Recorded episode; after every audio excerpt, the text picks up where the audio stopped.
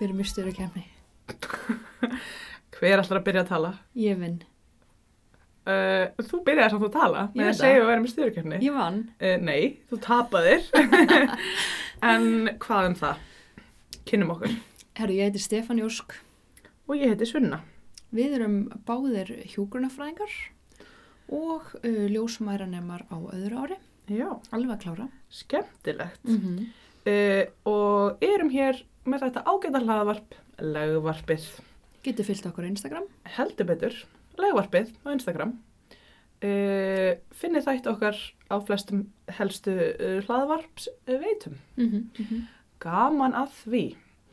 Um, í dag ætlum við að ræða ótrúlega skemmtilega hluti. Mm -hmm.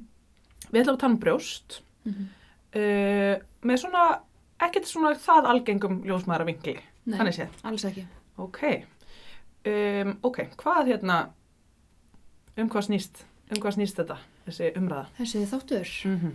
Við erum að ræða um hérna kannski svona áhrif bara brjóstapúða eða brjóstastækkunar á heilbriði kvenna. Já, Er það ekki svolítið svona gott zoom? jú, minnst það, minnst Já. það bara hljóma vel. Með mitt. Sko, þær, eru ekkert alveg nýjar af nálinni, hérna brjóstabúða aðgerðir eða brjóstastækkanir, er það nokkuð? Nei, það er alltaf svona blinda í mannkynnu að vera með stærri brjóst eða konum þá sérstaklega. Hvaðan ætli það sé komið? Já, einmitt, ég veit ekki að því að það er alveg heimildir frá eitthvað þúsund árum fyrir Krist að, að konur séu að, hérna, að reyna að uh, sem sagt, stækka sér brjóstin með því að vera í korsulettum eða Já, nákvæmlega. svona frumstæðin brjóstahaldara. Hvað, þú veist, já, þetta er ótrúlega áhugavert að, að spyrja sig, þú veist, af hverju er þetta svona rosalega mikilvægt Einmitt. fyrir konum að vera með brjóst, að vera með stór brjóst? ætla að sé út af því að sem sagt þú veist að þetta sé einhver pæling með að konur geti gengið þá betur með börn Þetta sé kannski svona merki frjósemis og Já. kvenleika og eitthvað svona. það var, að, já, já, einmitt, það, Mhm.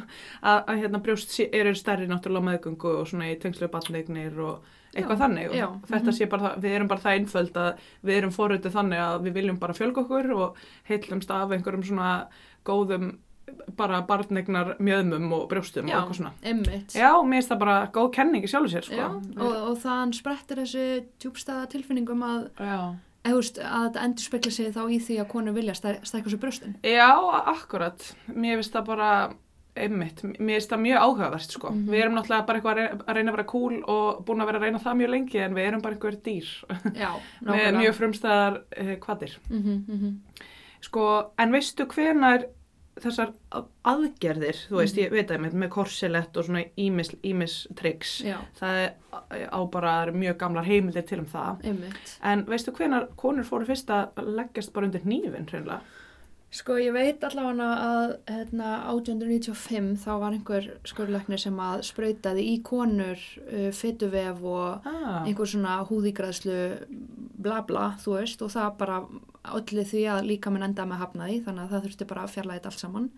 Og svo Mm. hefur bara læknavísindin verið svolítið í þessum spekulationum að já, þú veist, alltaf einhver veginn að búa til eitthvað brjóst sem að líka minn síðan hafnar og Einmitt. það er síðan ekki fyrir held í 1963 eða eitthvað kringum 60 60 60 að hérna að brjóstapúðarnir eru kynnti til sögunar og það ha- hafa þá verið oftast einhverju sílikonpúðar, eða frauð, svamp já, eitthvað svona- svampar og ímislegt. já, einmitt, sem að hefur alltaf þurft að fjarlæga fram að í raun og veru þú veist, brjóstapúðanum sem að við þurfum samt líka að fjarlæga á einhvað x ára fresti Akkurat. Og það, er, eru á þess að fara eitthvað náið út í það því ég hreinlega bara þekki það ekki og við skiptir erum kannski ekki ekki öllu máli. kannski lítalæknar eða Nei, að þá er, eru hérna, það eru ýmsar leiðir eða þú veist það, hérna, til þess að framkvæma sér aðgerðir, stundum eru þessum púðum þú veist komið fyrir undir brjóstu vöðvalæginu og stundum einhvern veginn bara ofan við vöðvalægið og þá meira svona inn í bara brjóstvefnum þannig að það, það eru ýmsar útgáfur Mhm. Og hérna ýmsar gerðir af púðum. Þú veist kannski hérna pipp-púðarnir voru náttúrulega mjög frægir á sínum tíma. Það var Mhm. svona sílikonpúðar sem að sprungu í svona svolítið það var algengt að þeir hefðu sprungið í konum. Já, ekki bara það- þetta var eitthvað ólöglegt yðna já, efni, þetta þú var bara efni sem að já, líka minn mátti í rauninni ekki, hafa inni sér ekki hafa inn í sér þannig að þær konur voru kallar inn í einhverjar aðgerðir láta skipta Já, þessu út og eitthvað svona Einmitt, einmitt. en það eru til alls konar áferðir og stærðir og efnasamsetningar og di-di-di Mhm. sem að við kannski ætlum ekki að, að fara neitt neitt rosalega náið út í hér Mhm, Nei, nei, nei, einmitt. En segðu mér svona, þú veist, þú veist, af hverju eru konur að fara í, myndið þú geta giskað af hverju konur að fara í þessu aðgerðar? Þú veist, hvað enginn er þessar konur? Já, einmitt. Um, sko, það er náttúrulega einhver tilfinning um hérna að vera ekki nóg einhvern veginn, að vera, eða þú veist, að vera ekki nóg, Þú ert nóg! akkurat, uh, segjum þetta við þær konur, þá er þetta bara úr sögunni. Nei, uh, að vera ekki alveg nóg almennilega nóg góð og vera ekki nóg mikil kona og du-du-du, þú veist, einhver óana er bara með líkama sinn, þannig að Mhm, látt sjálfströst, léli líkamsýmynd og svo framvegis mhm, og þetta eru um, gjarnan konur sem að þær eru svona líklegri til að vera að glíma við einhverja, einhver hérna gæðran vandamál. mhm, mhm. Þær eru svona líklegri til að vera að taka á, áhættur í sínu kynlífi, kannski líklegri til að verða óléttar ungar, til að hafa farið í, hérna, hafa fyrir þungunarof. Mhm, mhm. Þær eru líklegri til að vera e, ofiléttar með að við svona viðmið. Líkamsþyngd. Já, vera í undirþyngd Einmitt. og þar leiti kannski má spyrja sig hvort að svona ádruskun meðal þessara hvenna er algengari Einmitt. og svona einmitt kannski ákveð, ákveðin svona áröttu hugsanir sem fylgja þá eigin líkama og holdafari og, og slíku, þú veist, eitthvað svona sem þetta helst kannski allt svolítið í hendur bara hreinlega. Líka þú veist að, að tólla kannski stittra en aðrir í samböndum, hafa skipt oft um maka Mhm. og eitthvað svona. Svona, þetta er svona eitthvað sem að samkvæmt uh, einhverjum rannsóknum hefur sínt fram á að, margar þessar hverna sem hafa farið að þessar aðgerðir svona eiga, eiga sameigilegt. Um, en svo náttúrulega eru það líka konur sem eru mitt búnar að eiga börn. Það er Já. svolítið svona kannski önnur, önnur einhver tegund af lélir líkamsýmynd í Mhm. kjölfar breytingar sem að geta átt sér stað. Einmitt. Þú varst nú að kynna þér hérna alveg stórmerkilegt fyrirbæri. Já, einmitt hérna kallast mommy makeover Akkurat. eða mömmu yfirhalning.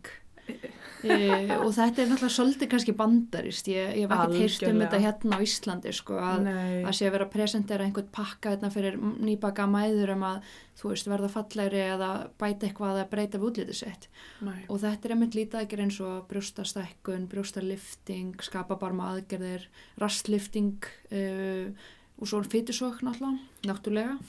Já, en ekki hvað. en ekki hvað, en hérna þar einmitt er uh, í bandaríkunum þetta svolítið svona selt með þessu yfirheiti, mommy makeover. Um, og það sem að var svolítið svona, kannski fannst mér erfitt að sjá var að það er, var einhver lítalæknir sem var greinlega í þessum bransa sem að uh, gaf út barnabók sem að hétt My Beautiful Mommy sem að hérna kennir mömmum að útskýra lítaðgerð fyrir börnum börnunum sínum, sko. Uh, mér fallast hendur. Já, þetta er svolítið svona sérstakar raunveruleiki. Þegar þú sagði mér frá barnabók þá var ég að vonast eftir að vera að segja mér einhver hefði verið að gera barnabók sem hjálpar Sjálfsmynd. Já, hérna fóreldrum að útskjöra fyrir barnunum sínum hvernig líka mann breytist við að eiga barn og eitthvað svona. Mm, kannski ekki lítalæknir að skrifa þannig bók. þú veist, þú veist náttúrulega að útskýra svona kannski yktustu mynd af einhverju en ég held samt að það eiginmálu af þessu, þú veist, hérna í Íslandi og bara út um allt, Já, sko. algjörlega. Og ég var akkurat með einhverja mjög barnarlega hugsun um að þetta væri kannski svolítið svona úr sögunni að, að, þessar brjóstastækkanir Mhm. af því að þetta var svona kannski smá 2000 fyrirbæri, þú veist, þegar að skoran bara var sem einhvern veginn algengust og svona gestrengurinn upp fyrir akkurat lágar gallabuxur, ég man eftir Já, því. bara push-up bróstahaldararnir og skvísur mikið bara í tveimur höldurum og að setja einhverja sokka inn á sig og bara allir pakkin Einmitt. skiluru. Uh, mikið um skorurnar og svo kannski eins og sé núna eitthvað aðeins meira samþygt að vera bara þú veist akkurat, bara nota ekki brjóstahaldara bara við erum búin að frelsa nippluna skiluru og bara töff að vera með lítið brjóst og allt þetta, en það Jésús, það bara er svo mikið svakalegt en svakalega pólitík í kringum brjóst. Ég veit það sko. En, en þú veist, svo er það bara ekkert satt. Þetta er bara ein, alg- þetta er algengasta held ég fæ- færunar eða líta aðgerðin eða, sko, við erum alltaf að segja Skurðaðgerðin. Já, við erum að segja raunin líta aðgerð, það er ekki alveg rétt, Nei, af því að nei, líta aðgerð er ofta eitthvað svona verið að laga, hérna, eða þú veist, verið bara að byggja upp vef eftir eitthvað brunaslis og hitt og þetta, en þetta Mhm. er þannig sem fæðrunar aðgerð, af Já. því hún er ekki nöðsynleg og hérna, Þá má líka fara út í bara siðferði lækna. Þú veist, bara first do no harm pælingar skiluru. akkurat mjög áhugavert að leggja það hér inn, þetta Já. er eitthvað sem að allir læknir hafa nú svona skrifað undir Einmitt, einhver hippokratusa reyður og svo er þeir að stunda kannski svona ónöðsynlegar fegurðar aðgerðir, skurða aðgerðir í veist, sem við ætlum að læra aðeins betur um á eftir Einmitt. hvaða afleðingar geta haft í för með sér og, og svona. Þannig að við í rauninni erum hérna að fara að skipta yfir í uh, ótrúlega skemmtilegt viðtal einmitt. við okkar ástkjöru bekkjasestur Kristínu Georgsdóttur mm sem að ætla bæði svona aðeins að opna á, uh, opna á persónulega reynslusögu og í leiðinni svona þekkingu sem hún hefur aflað sér í sínu námi. Mhm. uh, er hérna ljósmóður nemi eins og við á lókusbrettinu, bekkjasestur okkar. Og þannig að við ætlum svona aðeins að, að læra um hvað e, það, um svona ákveðna byltingu sem er búin að vera í gangi bara í heiminum undanfarið meðal hvenna með svona brjóstabúða ímislegt sem þær hafa verið að upplifa og svona kannski aðeins að velta fyrir okkur hérna útlitt styrkuðu samfélaginu sem við nú búum í og svona síðferði skurlækna Mhm, sem standa að þessum aðgerðum. einmitt Um, eigum við ekki bara að Kasta boltanum yfir? yfir á Kristínu? Jú. Til er ég. Jæja, þá eru við mættar hér í morgun bolla út á nes og hjá okkur er hún Kristín Georgsdóttir. Indisleg kona. Já, hei, hei. Bekkjasistir okkar, eða stjúp bekkjasistir okkar. Já, Stjúp ekki sittir, þú verður að útskýra það betur. Stína, þú svona fjálst á milli árganga, það ekki? Jú, ég er að... er á á millið, það er nú kannski svolítið klaufur að orða en Ég, hérna, mér finnst rosa skemmtilegt að segja ég sé á þriði ári í ljósmáðafræði. Það gleður mig og marga aðra. En ég var svo lánsum að eignast bann í miðjun ámi. Þannig ég senkaði mér aðeins. Já, mikið voru við hefnur að hafa þig. Já, ég er ótrúlega heppin að eigna svona stjúpsistur. Nú er ég svo marga systur. ég, þú ert ekki, mér erstu búin að vera aðalsestir okkar. Ég er sammála Já, því, en já. þú kallar okkur stjúpsustinu daginn, þannig ég fekk eitthvað, ó, ok. Já. ok. En hérna, þú varst að kynna fyrir okkur svo ótrúlega skemmtilegt verkefni um daginn. Uh, og við erum svona hinga komnar kannski til að heyra hans meir um það og svona þau mál. Mm Þannig að við kannski fáum aðeins að heyra frá þér svona eh, kannski aðdraðandan að, að, að þessu verkefni og svona hva, um hvað það snýst. Já, bara gaman að koma á og geta sagt meira frá þessu. Mm. Það er sem sagt, ég gerði dagbókaverkefni sem er bara eins og þið vitið svona lítið miðana verkefni í ljósmaðurfræðinni og, og eitt verkefni átti að fjalla svona um hvern heilbriði, hvern og kyn heilbriði og mér langaði rosalega að fjalla um bara brjóstapúða og var, finna, var svona að reyna að finna vingil á því og, og fjallaði þá um sérst, brjóstapúða og áhrif á brjóstakjöf til svona aðeins að þrengja efnið af því að þetta er svolítið viðtækt Mm -hmm. og ég hérna ég kannski byrja bara að segja af hverju ég hef svona mikinn áhuga á þessu efni en það er að því ég var sjálf með brjóstapúða og það er bara svolítið stór saga þar í kringum. Og ef ég bara byrja á byrjun þá er mitt eftir fyrsta árum mitt í ljósmáðafræðinni þá eignast ég bann og fljótlega eftir komu hans í heiminn þá fæ ég brjóstasíkingu bara mjög slæma brjóstasíkingu í hægra brjóstið. Og, og ég fæ bara til læknis og frá síklegu kúr og bara þetta Mhm. fór sína venjulega leið. En sérst, eftir þetta gengur yfir þá fann ég alltaf svona hnúð í brjóstinu. Og stóra hnúð. Vinstra brjóstið, það var mjúkt og gott en, en hægra brjóstið var alltaf svona einhver hnúður. Þannig ég gekk á milli hjúkurnafræðinga í ungbarna eftirlitinu og lækna og allir þreifið á brjóstinu mínu og já þetta er nú skrýta, þetta far ekki úr og, og þetta var sérst í ágúst 2018 og þetta er svona í nokkra mánu aldrei fyrir þessi hnúður úr brjóstinu. Þannig að enda með að ég fæ tilvísun bara í krabbamensfélagi að láta kanna þennan hnúð betur. Og ég fer ekki fyrir í lóki janúar 2019. Þannig að það var löng byð og þá tekur á móti með læknir og hann bara svona spyr með hans út í þetta og, og svolítið að hugsa út í það núna. Hann spyr ég finnst þetta að hafa minkað stækkað? Og ég, jú, mér fannst þetta nú aðeins að hafa minkað það var svona, minnst svolítið gaman að pæla í því núna og svo byrjar hann að skoða mig og hann notar svona óm, ómtæki bara. Og hann byrjar að skoða hægra brjóstu hann að hnúð. Og hann verður svolítið skrítin í framann og spyr mig bara, má ég nokkuð skoða hitt brjóstið þitt? Og ég bara, já, já, mér finnst svolítið skrítin mjúka og góða brjóstið mitt. Og þá, og svo eftir smástund hann svona þögull, svo segir hann já, heyrðu, þetta er veika brjóstið þitt. Ég bara, já, ok. Hér er bara sprungin sílikonbúði Í vinstra brjóstinu. í vinstra brjósti. Þannig að þessi þessi þrýmill eða þessi hnú, hnúður sem ég var að þreifa hægra meginn var bara heill brjóstapúði. En það hafði bara tröflað mig svo mikið að þetta var svo slæm hérna, brjóstasíking og svo hefur greinilega vinstri púðin bara sprungið á svipum tíma. Þannig ég þetta var svolítið svona rugglandi fyrir mig. Þannig, að- og hann segir þetta er sem betur fyrir ekkit alvarlegt en þetta er kostnaðasamt þú þarfst að láta fjarlæga púðana bara eins fljótt og hægt er. Og hérna og, það, og, ég, og hann segir við mig að hann sjá ekkert sílikon í eittlum í kring. Og, bara, og það var ég mjög jákvætt. Og ég var bara, já, ok. Og ég fann rosalega mikið létti eftir þessa skoðum af því það var lengi búið svona kraum í mig að vilja láta taka þessa púða. Já. af því ég hef mikið verið að hugsa mig í heilbriði og bara mataræði og reyfing og svefn og meðan þetta alltaf vera svona svolítið skríti í þessu að ég vil hámarka mitt heilbrið að vera þannig með einhverja púða. Þannig ég fann rosa mikið létti og ég ringi bara strax í, í lítalækni og fæ tíma bara mjög fljótlega.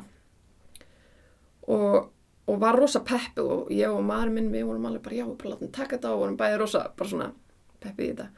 Svo mætum við hana til lítalæknisins eða ég, ég fór bara einn og ég segi bara við hann já, heyrðu, hérna, ég, bara þessa sögu Mhm. mína og að ég vil láta fjalla púðana. Og hann verður svolítið skrítin í svipinn og segir nei, nei, nei, nei. Þú vilt það ekki. Þú verður alveg bara afmynduð. Það verður bara hræðilegt.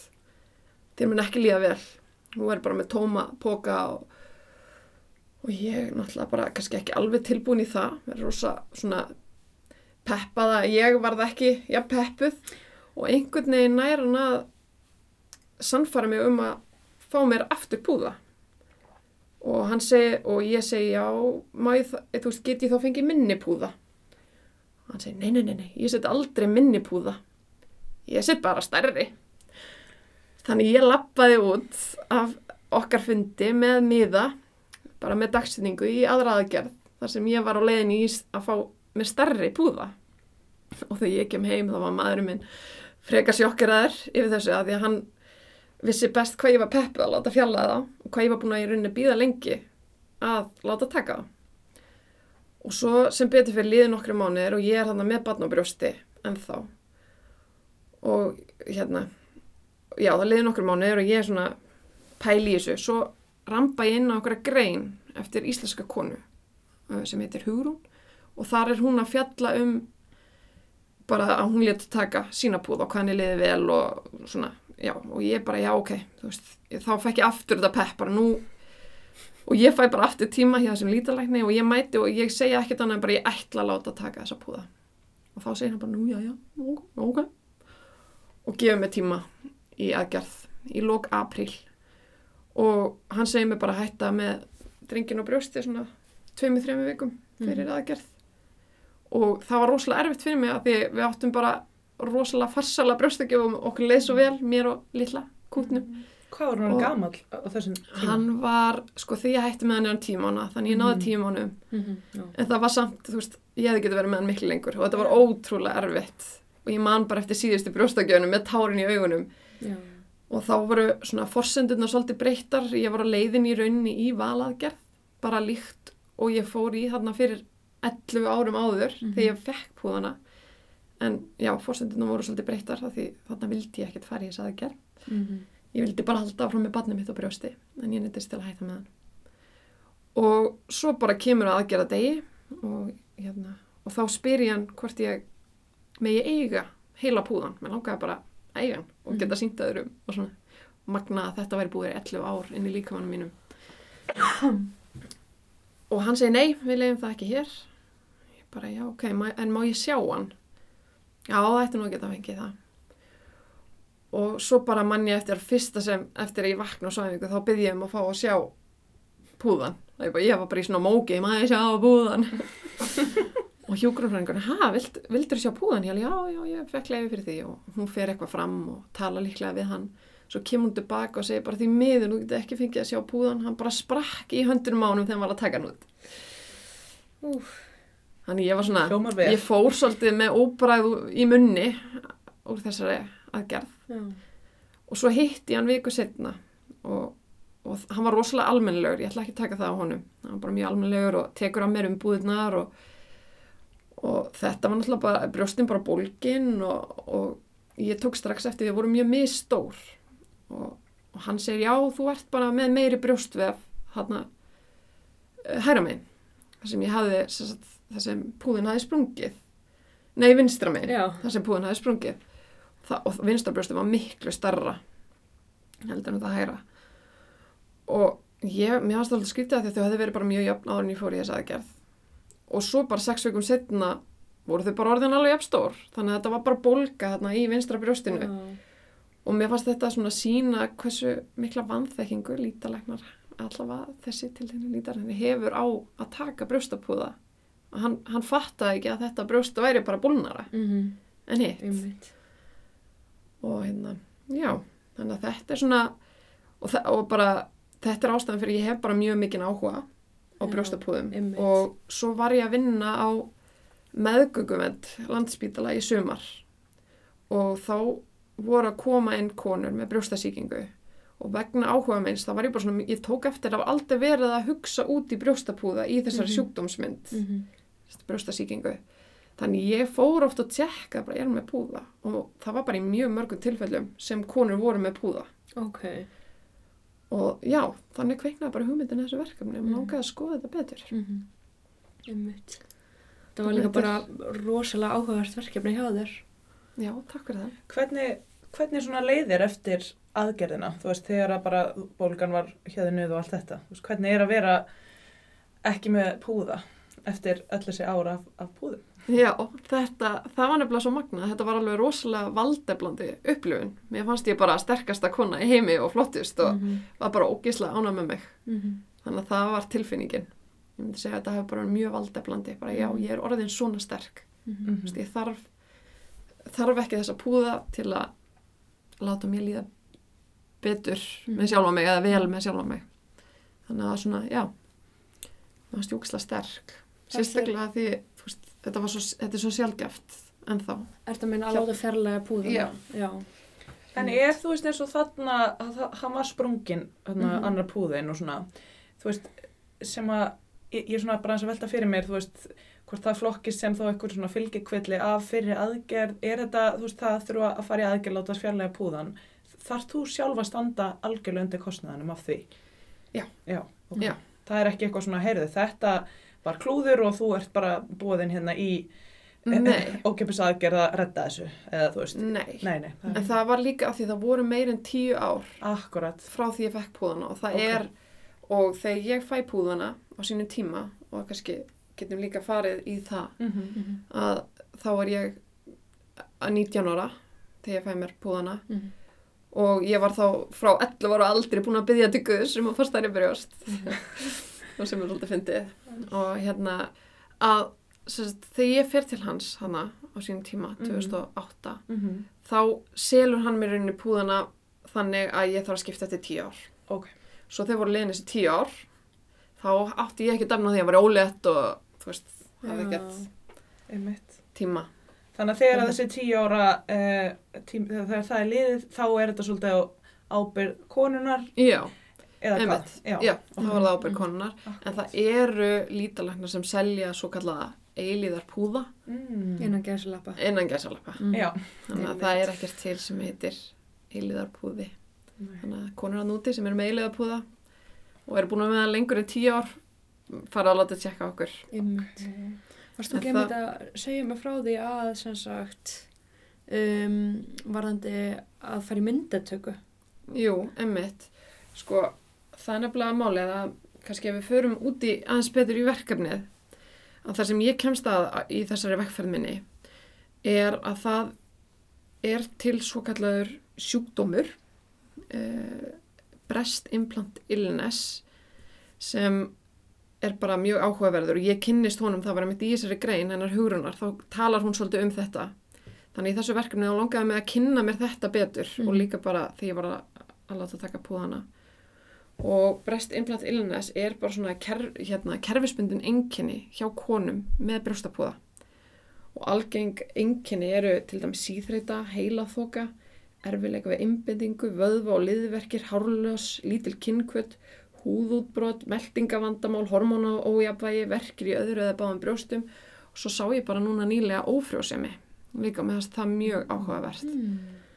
og í rauninni er núna bara mörg hundru þúsundir kvenna sem er að finna fyrir þessum einkennum. Mhm. Það er hérna erlendur hópur, bandarískur hópur, það sem er meirinn 100.000 konur inn á Mhm. og íslenskur hópur líka og þegar ég byrjaði í þessum íslenska hópu voru 150 konur og núna yfir, yfir 1000 Er þetta á Facebook þá? þetta er á Facebook Já. og íslenski hópurinn heitir Breast Implant Illness Ísland og, og það eru svona konur kannski segja svolítið sína sögu og bara spyrja spurninga og fá svör. Einmitt. en mér fannst þetta svo sjokkrandi en mér fannst þetta samt meika svo mikið sens. Mhm. að því að maður bara pælur hans í þessari aðgerð þú veist, og hugsar, þú veist, það er verið að setja óþekktan íhlut inn í líkamann. Og þá finnst manni meika sens að það hafi áhrif á líkamsstarfsemi.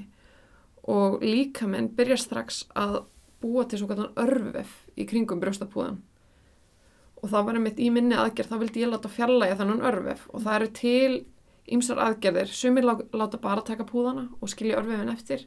Ég let taka púðana og púðana fyrst og svo skafa örvefin eftir. Mm.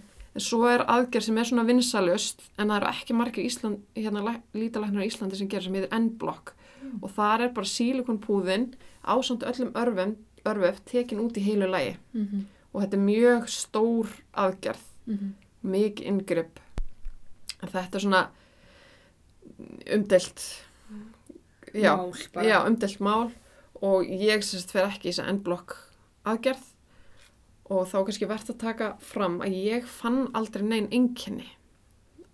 Ég fann ekkert af þessum einkenni sem ég var að tellja upp hann áðan.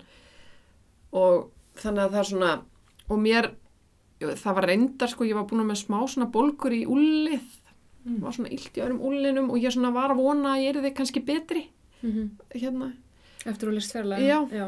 og það var svona eina í brá, kannski verið ég betri það var mjög bjart sín og hérna, en ég fann lítinn mun en já, Mhm. en mér líður bróslega vel veist, þannig ég var ekki, að, ég var ekki beint að fara í þessa aðgerð út af því að mér leiði eitthvað illa líkamlega eða andlega Nei. það var meira bara svona þetta passaði ekki inn í mína minn, Sjálfsmyndir. já, mína sjálfsmynd Já, einhvern veginn, einmitt. lengur Einmitt. ég var einhvern veginn komin En það er alveg mjög sláandi að lesa svona þessar reynslusögur hvernig sem að hafa verið að klást við þetta breast implant illness. já, Að það eru bara hraustar heilbreðar konur sem eru allt í einu komnar sko bara, þú veist, á bara örorkubætur og, þú veist, í veikindaleifi og alls konar Mhm. og bara, bara komnar alveg svona í mjög slæma bara andlega vannlíðan og ganga á Mhm. melli lækna og svona spurningum, þú veist, vefjagikt og svona ímislegt, þú veist, Mhm. að þetta er svona samansapn af, svona bara einhvers konar skrýtnum einkennum sem að, Mhm. þú veist, ge- væri alveg hægt að tengja við bara svona kulnun, Mhm. óbáslega streitu og eitthvað svona Mhm. sem að hafa síðan kannski átt að segja á þessu meðal annars út af öllum þessum bara hópum sem er að myndast og svona ákveðin vitundavakning og, og öðlast bara jafnvel lækningu við að láta fjarlæga, einmitt fjarlæga púðana. maður hefur heyrt ófáar sögur einmitt um það að konu voru að finna fullta enginum mjög misjæmt á milli hvenna hvað Mhm. enginnið finna svo fóru þær í þessa aðgerð og sumar bara vöknuðu betri Akkurat. meðan aðra kannski tók nokkra vikur Mhm. og Einmitt. það er bara ótrúlegt og það er einmitt kannski þegar, og það er einmitt það sem er mikilvægt fyrir okkur að hugsa ef við fáum einhvern tíma konu til okkar sem er með alls konar enginni Mhm. að hafa þetta svona bak við eirað en samt kannski ekki kennu sér strax um en svona hafa þetta á bak við eirað Mhm. Akkurat. og að því einmitt, það sem ég þurfti þarna þó að ég væri ekki með þessi enginni var þessi grein sem svona aðeins útskýrði þetta Mhm. og það var bara svona, það vaknaði ég bara til lífsins og bara ég get ekkert haldið þessu áfram Mhm. Einmitt. Og líka það að þetta sé akkurat partur af, eða þú veist, eins og ég var að lesa viðtölu konu sem að var akkurat inn íbúin að láta fjalla púðana og hún sagðist bara þetta kvartlaði ekki að henni, þú veist, á öllum, öllum tímanum þar sem að hún var að reyna að finna út úr sínum engjönum, hún sagði ef það hefði verið lagði fyrir mig spurningalisti um eitthvað svona hvernig líður mér með brjóstapúðana mína, þá hefði hún bara ekki eins og tengt þessi engjönni við, við það, Mhm. af því að þetta er eitthvað sem að hefur bara ekki verið Einmitt. rætt og þetta er ekki rætt við þegar þú ferði aðgerina og, og veist, og svona, þannig að þetta er bara eitthvað sem að fólk þú, þú, þú tengir ekkert einhver enginni við bara hérna einhverja tannrótafyllingu eða eitthvað því að það bara er ekki partur af hugsunarniðinum sko, en Einmitt. þú veist, þannig að og þess vegna er svo ánað að við séum að opna umræðina hér mm, og þá kannski kem ég að því sem að þú varst að spyrja áðan með að sem sagt, FDA í bandaríkunum Food and Drug Administration Mhm. uh, voru með fund í, ég held, apríl eða mæ 2018 þar sem að þeir voru að fara svolítið yfir bara brjóstapúða og einmitt þetta breast implant illness og annað hérna og sérst krabbamein sem er beintengt Mm. við ákveðna tegund brjóstapúða og settu þá fram svona nýjar leiðbenningar meðal annars bættu þér við svona yfir mögulega fylgikvilla brjóstastækkunar bættu við þessum kerfusbundnu enginum eða breast implant illness og þessu krabbameina þetta væri áhættu þáttur. Mhm. þannig að í rauninni ber lítalæknum að segja kunnum sínum frá þessu þegar þau koma að fá sér púða. Mhm. að það sé möguleiki á þessu. Og svo taka það líka fram að, að sagt, þremur árum eftir upphaflega aðgerð er mælt með segulómun af brjóstum til að fylgjast með bara hvort þessu sprungnir og annarkvert ár þar eftir til að hafa eftirlit með þessu. Þannig að þetta er greinlega bara mjög alvarlegt mál þegar púðar er að springa og þess vegna eru þeir að set, setja þessar leiðbenningar fram. Já. en eins og þegar ég fer hann með sprungin púða til lítalæknis þá er hann voða rólegur yfir þessu. Veist, ég, og ég viss alveg að þetta væri ekkert panik en ég segi honum voða glöði bræði já hann var ekkert sílikon í eitlum. Og hann bara svona halv brosir að því og bara það nú þó það væri í eitlum. Þetta er bara eitt hérna, hættu minnsta efni í heiminum eitthvað svona skilja, og einmitt. sílikon í eitlum viss mér bara hljóma rosalega illa. Algjörlega. Og það er um eitt ég í fyrirlestrunum á þessu verkefni þá var ég með svona eina glæru með innihaldsefnum. Já, Í- einmitt, man eftir þessu. Kannski getið þið skellt inn á Instagram síðuna eða eitthvað, þú veist það er alls konar efni í þessu, þú veist það er ekkert bara eitt efni sílikon sem er eitthvað undra efni úr, úr sjónum, skilur náttúrulegt, þú veist þetta er bara Nei. blanda í missa hættulegra efna. Mér við sílikon bara, það er, það, það er ekki svona fyrsta sem ég hugsa um sílikon hvað er náttúrulegt, þetta er eitthvað tegjanlegt, plastgummi, eitthvað sem er notað til að húða alls konar, eitthvað, þú veist, ég veit ekki, ég er bara svona, já, Ég var einmitt, ég náði ekki að kanna það en mér langaði að kanna hvort sílikonu væri vegan. Það. Eru kannski marga konur sem eru, þurfa að fara að pæla í því. Já, það er Hvort nefnilega það sé málið. Það er að ykkur Nei, það er bara mjög áhugaverð vingir. En að því að nú varst þú til dæmis að gefa brjóst með, með púða og annan Mhm. þeirra sprungin á tímubili og svona og hérna, þú veist, í brjóstinu er verið að framlega mjólk og svona, Mhm. þú veist, hefur hefur Já. það í möguleiki á að komi bara sílikon í mjólkina eða? Já, það nefnilega að því sko brjóstastækkun er mjög misjöfn. Það eru, þú veist, misstóri púðar, misjöfnir í læginu, mis, misjöfn áferð, um, það er sett undirvöðva og yfirvöðva. Ég var með undirvöðva, þannig ég var aðeins rólegri, það var vöðvið þarna. Þú veist, ég veit ekki hvort ég hefur ég brólega ef þetta hefur yfirvöðva og, Mm. og púðin er henni sprungin bara eh, við brjóstvefin. Akkurat. og hérna, þannig að en ég sérst í þessu verkefni mínu þá var ég svolítið að skoða brjóstakjöf Mhm. og mér varst merkilega lítið rannsakað Já. það viðfóðsefni með að við hvað þetta er algeng aðgerð Mhm. Og þá kom í ljós að það eru sem sagt meiri líkur á svona minni mjólkurframleyslu hjá konum með brjóstapúða Mhm. og líka svona lækkuð tíðni af brjóstakjöf þar sem er engungu brjóstakjöf eða Mm. brjóstamjólk Mhm. og, og, og ég vildi sérstaklega skoða brjóstasíkingar af því að varða að vera með mjög svona þröngt sjónarhóttni í svona lítið verkefni og þá var síndu líka rannsóknir að það voru meiri líkur á brjóstasíkingu en það var bara allt of fáar rannsóknir Mhm. og það var meira svona tilfella lýsingar og þá, að því að þú nefnir hérna sílikonu brjósti að það sem sagt kom upp tilfelli þar sem að kona, þetta var í suðu kóru, hún fyrir að taka eftir svona gel líku efni í brjóstumverkinu sinni Mhm. þegar barnið hennar er tvekja mánu og hún fyrir til læknis og eftir frekar rannsóknir kemur í ljós að þetta var sílikon. Sem að var að koma bara út úr gerðustunni með bara mjölkinni. með mjólkinni. Já, Einmitt. ok. Þannig að þú veist það er ekki til mörg dæmi um það en það getur greinlega og þá hafði myndast bara svona fyrstill eða svona Akkurat. lítilgöng þar sem að sílikonið vall í gegnum. Mhm. Mhm. Í, það hljóma nú ekkert svo vel. Nei, það hljóma nefnilega ekki nógu vel og líka bara þessar tilfella lýsingar, það voru oft bara mjög alvarlegar sýkingar Mm sem konur voru að fá og eins og þarna á göngutildinni í sumar þegar það voru að koma konur með púða og ef þetta var mjög alvarlegt og var komið sýkingapallur í brjóstið -hmm. þá vildu læknin, læknanir sérst á göngutildinni ekki stinga Nei. á þennan Já, sýkingapall. einmitt, einmitt. Út af því að voru hrættur um að stinga Já. í púðan. Já, Já. og þá var það hérna senda þessar konur annað og það er bara oft svolítið maus að veist, þá það er lengri byð hinnilegnan þurfa líka að skoða og þetta varð svona einhvern veginn Já, miklu meira mál heldur en að þú varst ekki með púða, það var bara gert á deildinni Akkurát. Og þá af því að þú vilt ekki eiga þá hættu að gata púðan. Púðan. Já, já. Já. Heldur að hafa fengið verri þjónustu þessar konur? Já, ég held það, Já. Sem að, ég upplifði það Einmitt. og það er bara, þú veist, og ég og mér finnst bara samt mjög fægilegt á okkar læknum að Mhm. stinga ekki Já, á. Það er náttúrulega sannlega ekki eitthvað sem að maður vill að, að, hérna, að fara að opna, opna leið fyrir þetta sílikon út í vefin og þú veist, þá ertu náttúrulega bara búin að búa til eitthvað nýtt ándamál. Akkurat. En upplifur þú veist að því núna varst að vinna á sem stað og þú, þú Mhm. tókst eftir að það eru svona marga konur að koma með þarna brjóstasíkingu sem að eru með púða. Mm upplifur fordóma þú veist, að, að sem sagt heilbreyðstarsmenn hefur verið með fordóma?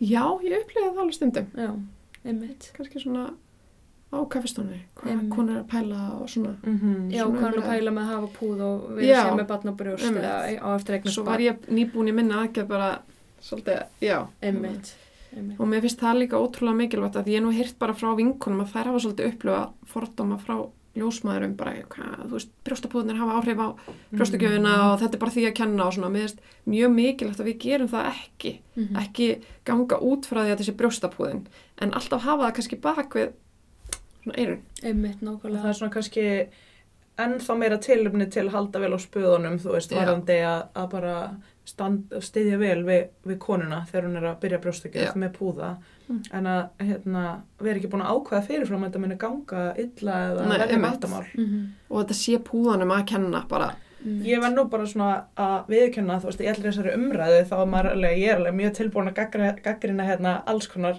hluti í sambandi við þetta, þetta er náttúrulega mjög sláandi, en mér finnst ég ekki alveg vera tilbúin akkurat að, að gaggrina yfirleitt þessar ungu konur sem eru að gera þetta, af því að þú veist, mér finnst eins og að þetta svona, það sé ekki alveg verið að veita réttu upplýsingarnar Einmitt. Mhm. þegar þú ert að, að sækjast eftir svona aðgerð og einmitt sérstaklega kannski ljósa þess að þetta eru oft mjög ungir einstaklingar og við veitum bara að það, þú veist, er þá kannski ekstra mikilvægt hvernig þeir eru frættir og síðan, þú veist, finnst mér hinlegin vera kannski svolítið bara svona þetta samfélag sem að við erum að hrærast í hérna, þú veist, af hverju eru af hverju eru ungar stúlkur að upplefa að þær séu ekki nóg góðar og séu ekki almenn, með almennlega brjóst og eitthvað svona það er svona önnur umræða Mhm. kannski Algjörlega. Ég held að þetta sé ekki bara ungur stúlkur, sko. Ég held að þetta sé líka konur eftirbatspurð.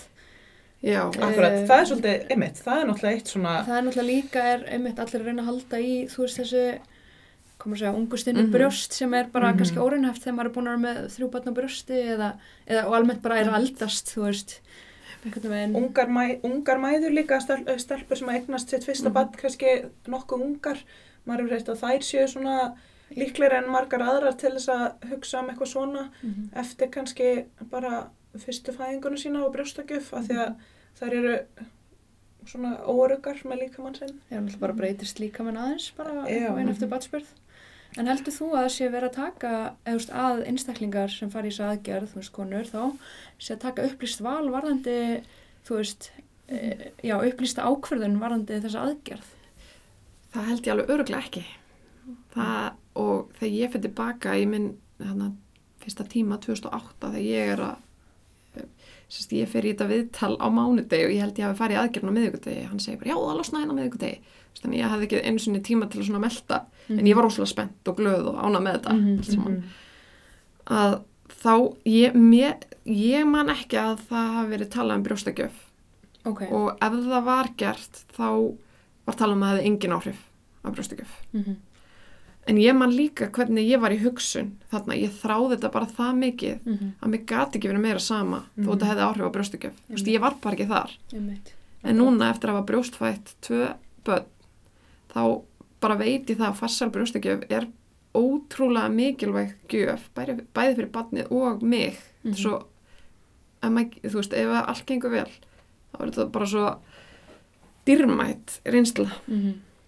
Ég hef mitt svona, mér finnst þetta svo áhugavert sem þú veist að segja, af því að ég er búin að vera mikið að svona, bæði að, þú veist, vinna hérna með úlingum, við setjum hérna inn í félagsmyndstöð og á minni ábyrð og hérna er aðeins að skrifa um, eitthvað svona, þú veist, hvort að við getum reynd að ræða uh, við ungt fólk, við úlinga, ungmenni, hérna, um bara batningnaferlið, þú veist, án þess að maður sé eitthvað að mæla með því að 16 ára gammalt fólk fara út í það, en bara meira svona að að fólk viti eitthvað um þessi mál áður en það verður 30 og er að fara að eignast fyrsta barnið sitt og svona að ég held akkurat að ef að kannski maður elst aðeins meira upp eða að læra um þessa hluti, þú veist að læra um brjóstagjöf og Mhm. af hverju hún er bæði bara mikilvæg, merkileg, stórkostleg og þessi gjöf og allt þetta að þá kannski sitji það aðeins betur svona í undirmeðutundinu manns að Mhm. þetta sé eitthvað svona sem að ok, ég kannski þrá eitt daginn eignast barn og þá er þetta eitthvað sem að ég mun mjög líklega vilja gera því það er bara eins og Íslandi er það flestar konur sem að, sem að vilja gerðan láta reyna brjóstakjöf mm -hmm. að þú veist kannski myndi það skipta stelpur aðeins meira máli en kannski ekki af því það eins og þú veist að segja þetta er bara búin að vera þráðinn í svo mörg ár en mér finnst það samt alveg áhugaverð pæling sko. Mhm. hvort Einmitt, að- það er það. hvort að fólk geti kannski vita eða, eða und fólk vissi aðeins meira um þetta hvort að það myndi skipta það meira máli þegar Mhm. þú situr á lítalækna stofinu og ert að heyra svona að þetta geti kannski eitthvað, ég veit ekki, brjóstökjuf eitthvað svona, þú veist en það er einmitt líka það sem við hefum rætt eins og með kynfræðslu í, í skólum að í staðin fyrir að vera einbetta eitthvað svona mikið af kynnsjúkdómum og koma í veg fyrir þungun og svona að bara styrkja sjálfsmynd Mhm. barna og unglinga. Að því ég algjörlega held að það sé að ef ég, ég veit ekki ennþá af hverju ég upplöfu mig svona eh, minni konu að því ég var með lítil falleg brjóst. Mhm. akkurat, ég, ég get ekki farið þanga núna en þetta var bara mikill og erfiðu komplex hjá mér þú veist, ég hefði mögulega verið hægt að styrkja mig þannig að ég hefði bara séð fegurðuna í þeim Mhm. þá, Mhm. þú veist, eitthvað og líka bara eins og þú veist, mann finnst þetta oft vera svona trend hvað þykir fallegt og hvað ekki þú veist, algjörlega. stóri rassar, litli rassar stór brjóst hafa nú yfirleitt samt verið lítil brjóst hafa minna kannski eitthvað, ég var eitthvað að reyna að lesa mig til um þetta og það var eitthvað ein, það var á 15. og 20. stöld einu svona því tímabili þar sem að lítil brjóst voru trending. trending, Aha. já, Þetta var náttúrulega svolítið svona 2000 dæmi, þú veist, þessi stóri brjóst og mikil skora og einhverju push-up brjósthaldarar og eitthvað svona.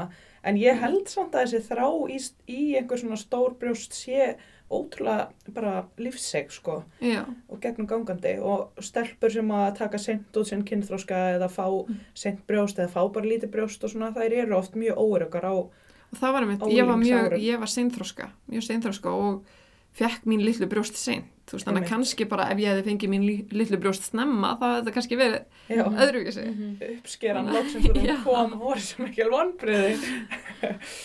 Einmitt, þannig að ég held að við þurfum að vinna svolítið í því að styrkja bara, Sjálfsmynd ungra kvenna. já Og sko, og, Og svo, mm, og líka að því að þú veist þegar þú ert á þessum aldri, þessum úlingsaldri þó þú sért hérna kona á besta aldri í dag Mhm. sko, að, að þú veist þá er samt á þessum stutt tíma sem hefur liðið síðan að þú varst þarna í þessum sporum þá er líka veruleiki úlinga búin að bara gjörbreytast mm. að því að nú er allir með þú veist, ég er ennan í farið til þess að tuggu þú veist, það er allir með bara snjálfing með hendinni með allan, alla verölduna bara í annari hendi og þú veist, samanburður hefur aldrei verið meiri og þú veist, allt þetta aðgengi að einhverjum áhrifavöldum og Instagram stjörnum og allt saman er bara, þú veist, stanslust fyrir augunum á okkur. Einmitt. Þannig að þú veist, og þar, þar er oft svona alls konar óraunhefar einhverjar, eh, þú veist, útlitskröfur og allt þetta, svona eitthvað sem að síast inn hjá krökkum, þú veist, og bara andli vanlegan og kvíði og allt þetta bara sjaldan verið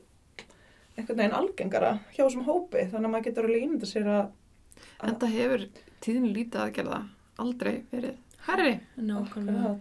Og ég finn það núna, þú veist, og það er svo fyndið að því að ég held að maður upplifi allavega ég og margir aðrir upplifi alltaf að ég er svo gömul, þú veist, því ég var 25 ára fannst mér svo gömul og nú er ég Akkurat. 31 og mér finnst ég svo gömul og þessi aldur komplexar og þegar ég var að vinna þetta verkefni þá skoði ég svolítið bara svona lítið aðgerðir líka almennt og mér fannst svolítið sláandi að lítið aðgerðir eru algengastar frá 35 ára til 55 ára.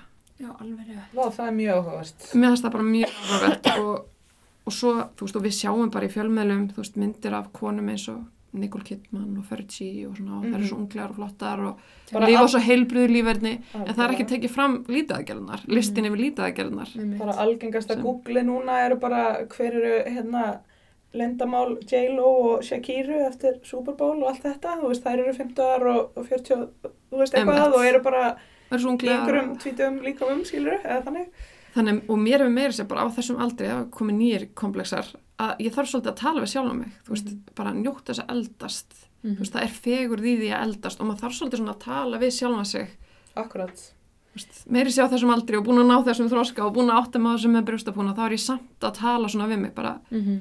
nei þú þarft ekki að fara í veist, Mhm. mm. leiður eldast þú ert akkurat bara falleg konur eru fallegar þegar eldast. Mhm. og manni finnst þeim eitt og það meðast það góða punktur í einni bekkjarsýstur okkar þegar ég var að flytja þetta verkefni að, að henni fannst svona þetta lítið aðgerða lúk sem við þekkjum mörg vera í rauninni nýju merkinum það eldast, eða þið vitið. Akkurat. Mhm.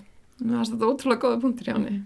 Og það er kannski, við erum kannski einmitt að hérna, leggja ómikla áherslu í þessu spjalli á þessar ungu stelpur og svona að því eins og þú veist að segja að það er kannski, kannski þyrst að reyna að gera hans meira bara e, fyrir konur á þessum aldri þú veist, Mhm. reyna að bara byggja upp eitthvað svona upp, vi- já. vitundavakningu eða vera að bjóða upp á meira af einhvers konar svona eflandi, sjálfstyrkjandi, ég veit ekki hvað, þú veist, og því- námskeiðum eða þú veist, En líka bara því fyrr sem við byrjum á því, veist, þá bara koma aftur ungu konnar, Já, að Og því meiri líkur bara- er á að þær eru bara sátta við sjálfa sig og leifa sér bara að eldast. Einmitt. algjörlega. Og núna eru svo margir, þú veist, það er miklu meiri umræða um heilbreyði, Mm þú veist, bara yfir höfuð. Og þá verður maður bara að hafa þessa heildrunu sín, eins og við notum í hjúgrunarfræðinni og ljósnarfræðinni, að hugsa um alla þætti, þú veist, vera svolítið vakandi yfir öllum þessum efnum sem erum til dæmis að bera á líkamanna, veist, sem erum að setja inn í líkamanna. Og þú veist, vera bara meira vakandi fyrir þessu. Þetta er ekki bara eitthvað efni sem er ekki neitt sem sprauta inn í líkamanna, þetta er einhver efnasambönd, ónáttúrulega efnasambönd sem eiga ekki verið í líkamannum. Fyrir utan það, þetta er bara mjög óumhverfisvænt ef við erum fyrir við þá umförð hérna, umræðu líka. Akkurat, það er góð punktur. Og mér finnst það líka því að, þú veist, núna ma- erum við svolítið að sjá að þú ert einhvern veginn ekki fóreldri með fóreldrum nefnum þú sért bara svona all in í að vera með, hérna, þú veist, eitthvað svona náttúrulegar, uh, lífrannar, uh, þú veist, eitthvað allt sábur, þvottafni, bla, þú veist, bara, þú veist, fólk er tilbúið að gera allt til þess að gera besta fyrir barnið sitt og verja það gegn alls konar, þú veist, eituröfnum og auköfnum og eitthvað svona, en á sama tíma eru við að, að leggja á okkur að færi svona aðgerðir og láta saumi í okkur einhverja sílikonpúða Mm -hmm. sem eru stundum, þú veist, þeim hafa verið gangrindir eins og þessir pipppúðar, var það ekki bara eitthvað yðnaðar sílikon, þú veist, í sjálf sér? Þú veist, það var eitthvað svona sem að þá, þá var farið í inn, eða þú veist, ég að bara kalla konur inn til þess að fjarlæða og eða skipta og svona, þannig að Mér finnst það mitt svolítið svona óþægli tilöksuna því að núna vitum við sem sagt sem að erum heilbærstarfsmenn hérna og við erum allar að verða ljósmaður að þú veist það þarf alltaf að halda svona gæðaskráningu varðandi bara þú veist útkomi fæðingar, varðandi þú veist hvað hver og eitt gerði, hvað meðfermar að veita og þannig en það virðist sem að sé ekki svona hérna eitt eftirlit varðandi brjóstapúða hérna á Nei. að þú veist eins og þegar ég var að reyna að fletta upp tíðni þá var það bara svona ekki er vita hver tíðnin er nákvæmlega en áætlað er að 2-3 þúsund konur árlega fara í, í brjóstastækkun. Er, er, er, Það er bara mjög sláandi. er það ekki Mhm. rétt hjá mér að, að þú veist í raun og veru það Ég hef alltaf ekki fundið. en eitt eftirlit, einmitt. það er einmitt svipa með eins og hérna svona maga, hérna ermis aðgerðir, maga hjá, þú veist svona hjávit aðgerðir og svona sem að, að það er ekki takt að finna hennar svona algjörlega tölur yfir það, tíðnitölur, af því að það eru bara alls konar engaðalar að framkoma sér aðgerðir og það er svona alls konar í gangi sem að hérna, er ekkert beint kannski eitthvað gæða eftirlit með. Alls ekki. Þannig að maður spyr svona aðeins hver er ábyrð þessa læknis sem er hennilega þessar aðgerðir Einmitt. og akkurat hvernig talar hann við skjólstæðinga sína og hvaða eru þær raunverulega að taka upplýsta ákvörðun um þetta. Einmitt. Þetta er svolítið óþægilegt sko, þetta er líka mér að segja bara eins og þegar til dæmis konur að fá mænurótadeyfingu hjá okkur í fæðingu, þá eigum við að skrá aukaverkanir af, af þessari aðgerð. Þú veist, það er bara ábyrðin okkar og finnst allir taka því fyrir eitthvað svona, auðvitað gleymist á stundum, en það samt taka allir þessu mjög alvarlega skráningu. Mhm. Þú veist, þetta er bara forsenda þess að við getum vitað, þú veist, hvað, hver, hvað þjónust eru að veita, Mm einhvern veginn. Og svona með við hvað þessar brjósta, eh, brjósta aðgerðir eru algengar, þá er svolítið merkilegt einmitt eins og þú veist að segja að við vitum ekki alveg akkurat hver eru áhrifin eins og á brjóstakjöf, þú veist, hver, þú veist, að því við erum að tala um eitthvað sem að síðan bara, bara óbáslega stór hluti hvenna gengur svo í gegnum, þú veist, sem er að eigna spann og reyna að hafa barni á brjósti og allt þetta. Einmitt. Það er svo merkilegt að við séum ekki, að við vitum ekki meir um þetta, Mhm. Er en það? raunber vitni, sko. Hérna, þú náttúrulega skoðar einhverja rannsóknir, eða ekki, varandi brjóstakjöf og, og þær voru svo fáar, Mhm. en þú sást samt, í manni vorst að segja mér að þú sást að nokkrar af rannsóknum voru, sem sagt, gerðar af lítalækni, læ- lítalæknum, en það ekki rétt hjá mér. Jú, það var einmitt einn sem ég skoðaði svona eh, nánar sem var gerð af tveimur lítalæknum og svona forstuðumönnum á þróun á ákveðnum sílikonpúðum Ok, og það sem mér fannst svolítið magna við þessar rannsóknum var að það var, sérst, var verið að skoða brjóstasíkingu og þá kom í ljós að brjóstapúðar höfðu þvert á móti neikvæð áhrif á brjóstakjöf heldur jákvæð áhrif á brjóstakjöf og mér fannst þetta bara svolítið.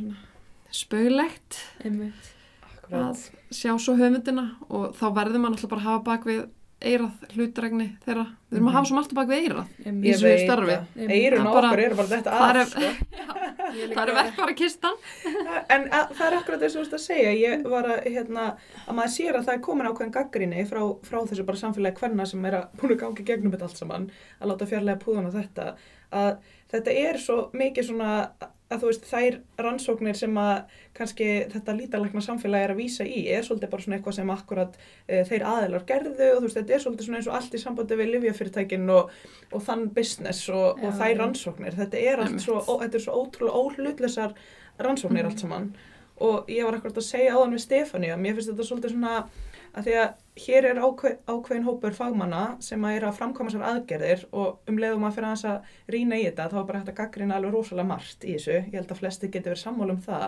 En svo erum við bara fagstætt sem eru ljósmaður sem eru með ákveðina svona sérþekkingu þegar kemur að brjóstökjef og, og öðru.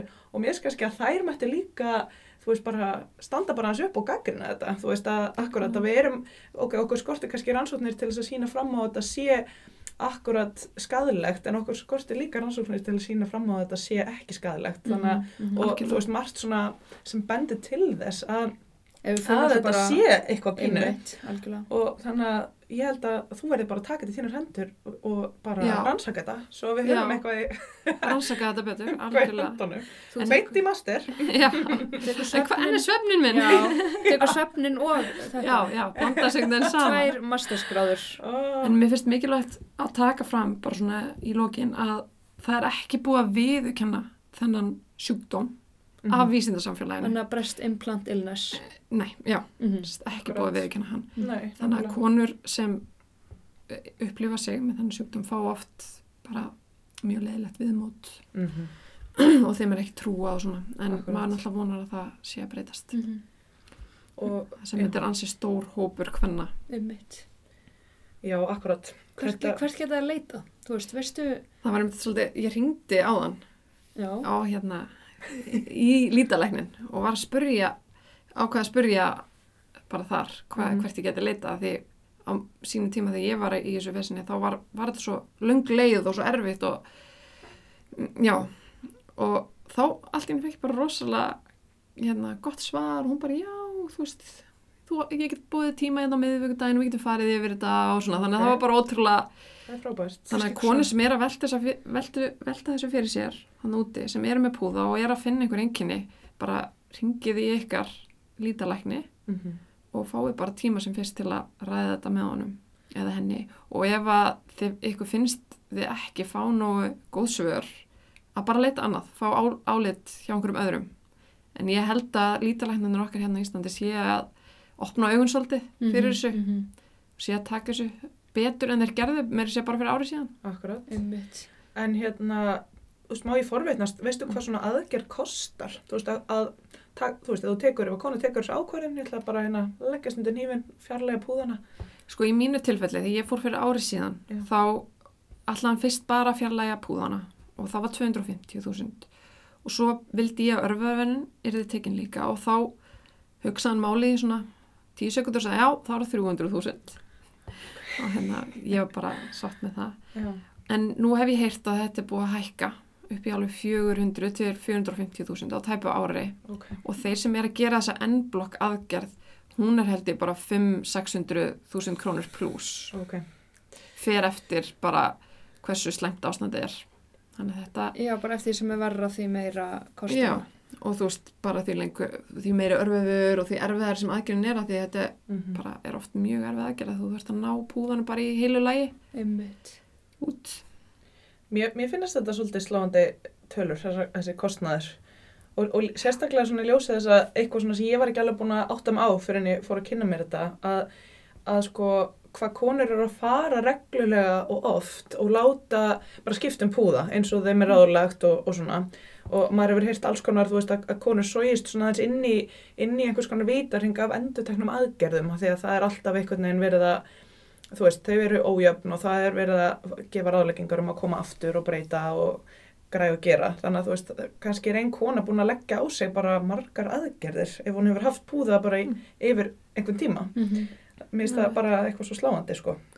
Og það er einmitt bara dæmið það, þarna í nýlegum þætti Ísland í dag, Mm þá kom hún gerður eigandi blöss fram í viðtali þar sem hún er að tala svona um sína reynslusögu, bara mjög áhugavert. -hmm. Þar sem hún er í raun að vara konur einmitt við þessu. Akkurat. Einmitt.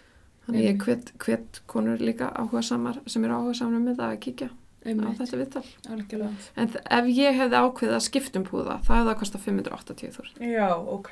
Já, Já, hérna. það er að- svona dýrt. Þetta er kannski líka, emitt, Kannski ágætis punkt, er heldur að konur sér meðvitað um hvað þeir þurfa að skipta oft og hvað kostnar hann bak við það er dýr. Ég held svona að flestar konur bara hafi þessi tíu ár í huga, mm -hmm. en mjög margar einmitt bara eins og ég, þú veist bara, æ, 1, 2, 3 til 5 ára, hvað er Auka, það? Þú veist, já. ég var komin í 11 ár og ég var bara ekki einu svona þessu, sko. Nei. Og svo kannski líka ef þú akkurat ert að íhuga að láta bara fjarlæga þá, finnur ekki þörfina hjá þér lengur og fær svo þetta viðmóta brjóstin og þau verði bara fáránleg og tóm og lafandi og, og ómöguleg, þú veist að, að hérna, að, að kannski að, að muna það bara að, að þetta er auðvitað þín ákvörðun og þinn líka með og allt þetta. Og ég vil bara taka það fram að ég er mjög ánað með brjóstin á mér í dag og þau eru ekki afmynduð eða ljót. Ég, það bara sést, ég með, hérna, hef brjóstfætt börn og þau eru lítil og nett en ég er bara ótrúlega stolt af þeim. Einmitt. Og ég er mjög spennt að sjá að ég ætla mér vonandi að eignast fleiri börn að sjá hvernig brjóstakjöf gengur. Já, fyrir og eftir. Já. Hérna. Það er annað efni. Já. Það er mjög aðra Þá kemur aftur. Aftur. En ég meina okkur langar þú kannski líka bara að senda, þú veist, ljósmærum svona smá pepp í það að styðja vel við konur ef það er að sinna konum eftir fæðingu, þú veist, í sængulegu eða hvað sem það er og reyna kannski aðeins að, að minna þær á að bara að elska líkama sinn eftir fæðingu líka með, með öllum, öllum ummerkjum um að þú hafir bara, Fætt einmitt, fætt gengið með fætt barn og aðliða á brjósti og þú veist, það er leiðandi gert bara Já, ótrúlega hluti með líkamannum og að hérna og, og svona reyna kannski bara að elska, elska þau ummerki frekar en að brjóta sér niður og, og finna sem maður ekki nógu góður Einmitt. Styðja vel við konur, hérna, varandi brjóstakjöf sem eru með púða. Já, Mhm. Þú nákvæmlega Það er kannski líka alveg ágætis punktur til að Af hafa því að baka kannski eru konur líka burðast með einhvers konar bara skömm eða þú veist, finnst þetta eitthvað e- eru hrættar við akkurat einhver svona viðhorf eða hreinlega ekkert ánægð með ákvarðuna sína einhverjum árum setna eða, eða hvað, þú veist Mhm. hvort sem það eru það eða ekki Mhm. þá hefur við ekkert að vera að dæma það Nei. Akkurat. Mér finnst þú bara alveg ótrúlega frábær fyrirmynd og Æ, gaman að heyra, takk Já. fyrir það. við erum líka stoltar af þér. Já, Ah, og bara þökkum þið kærlega fyrir að koma og deila með okkur reynslusögnuðinni. já, bara, þekkingu. Sjúklega áhugavert. mín var ánægjan.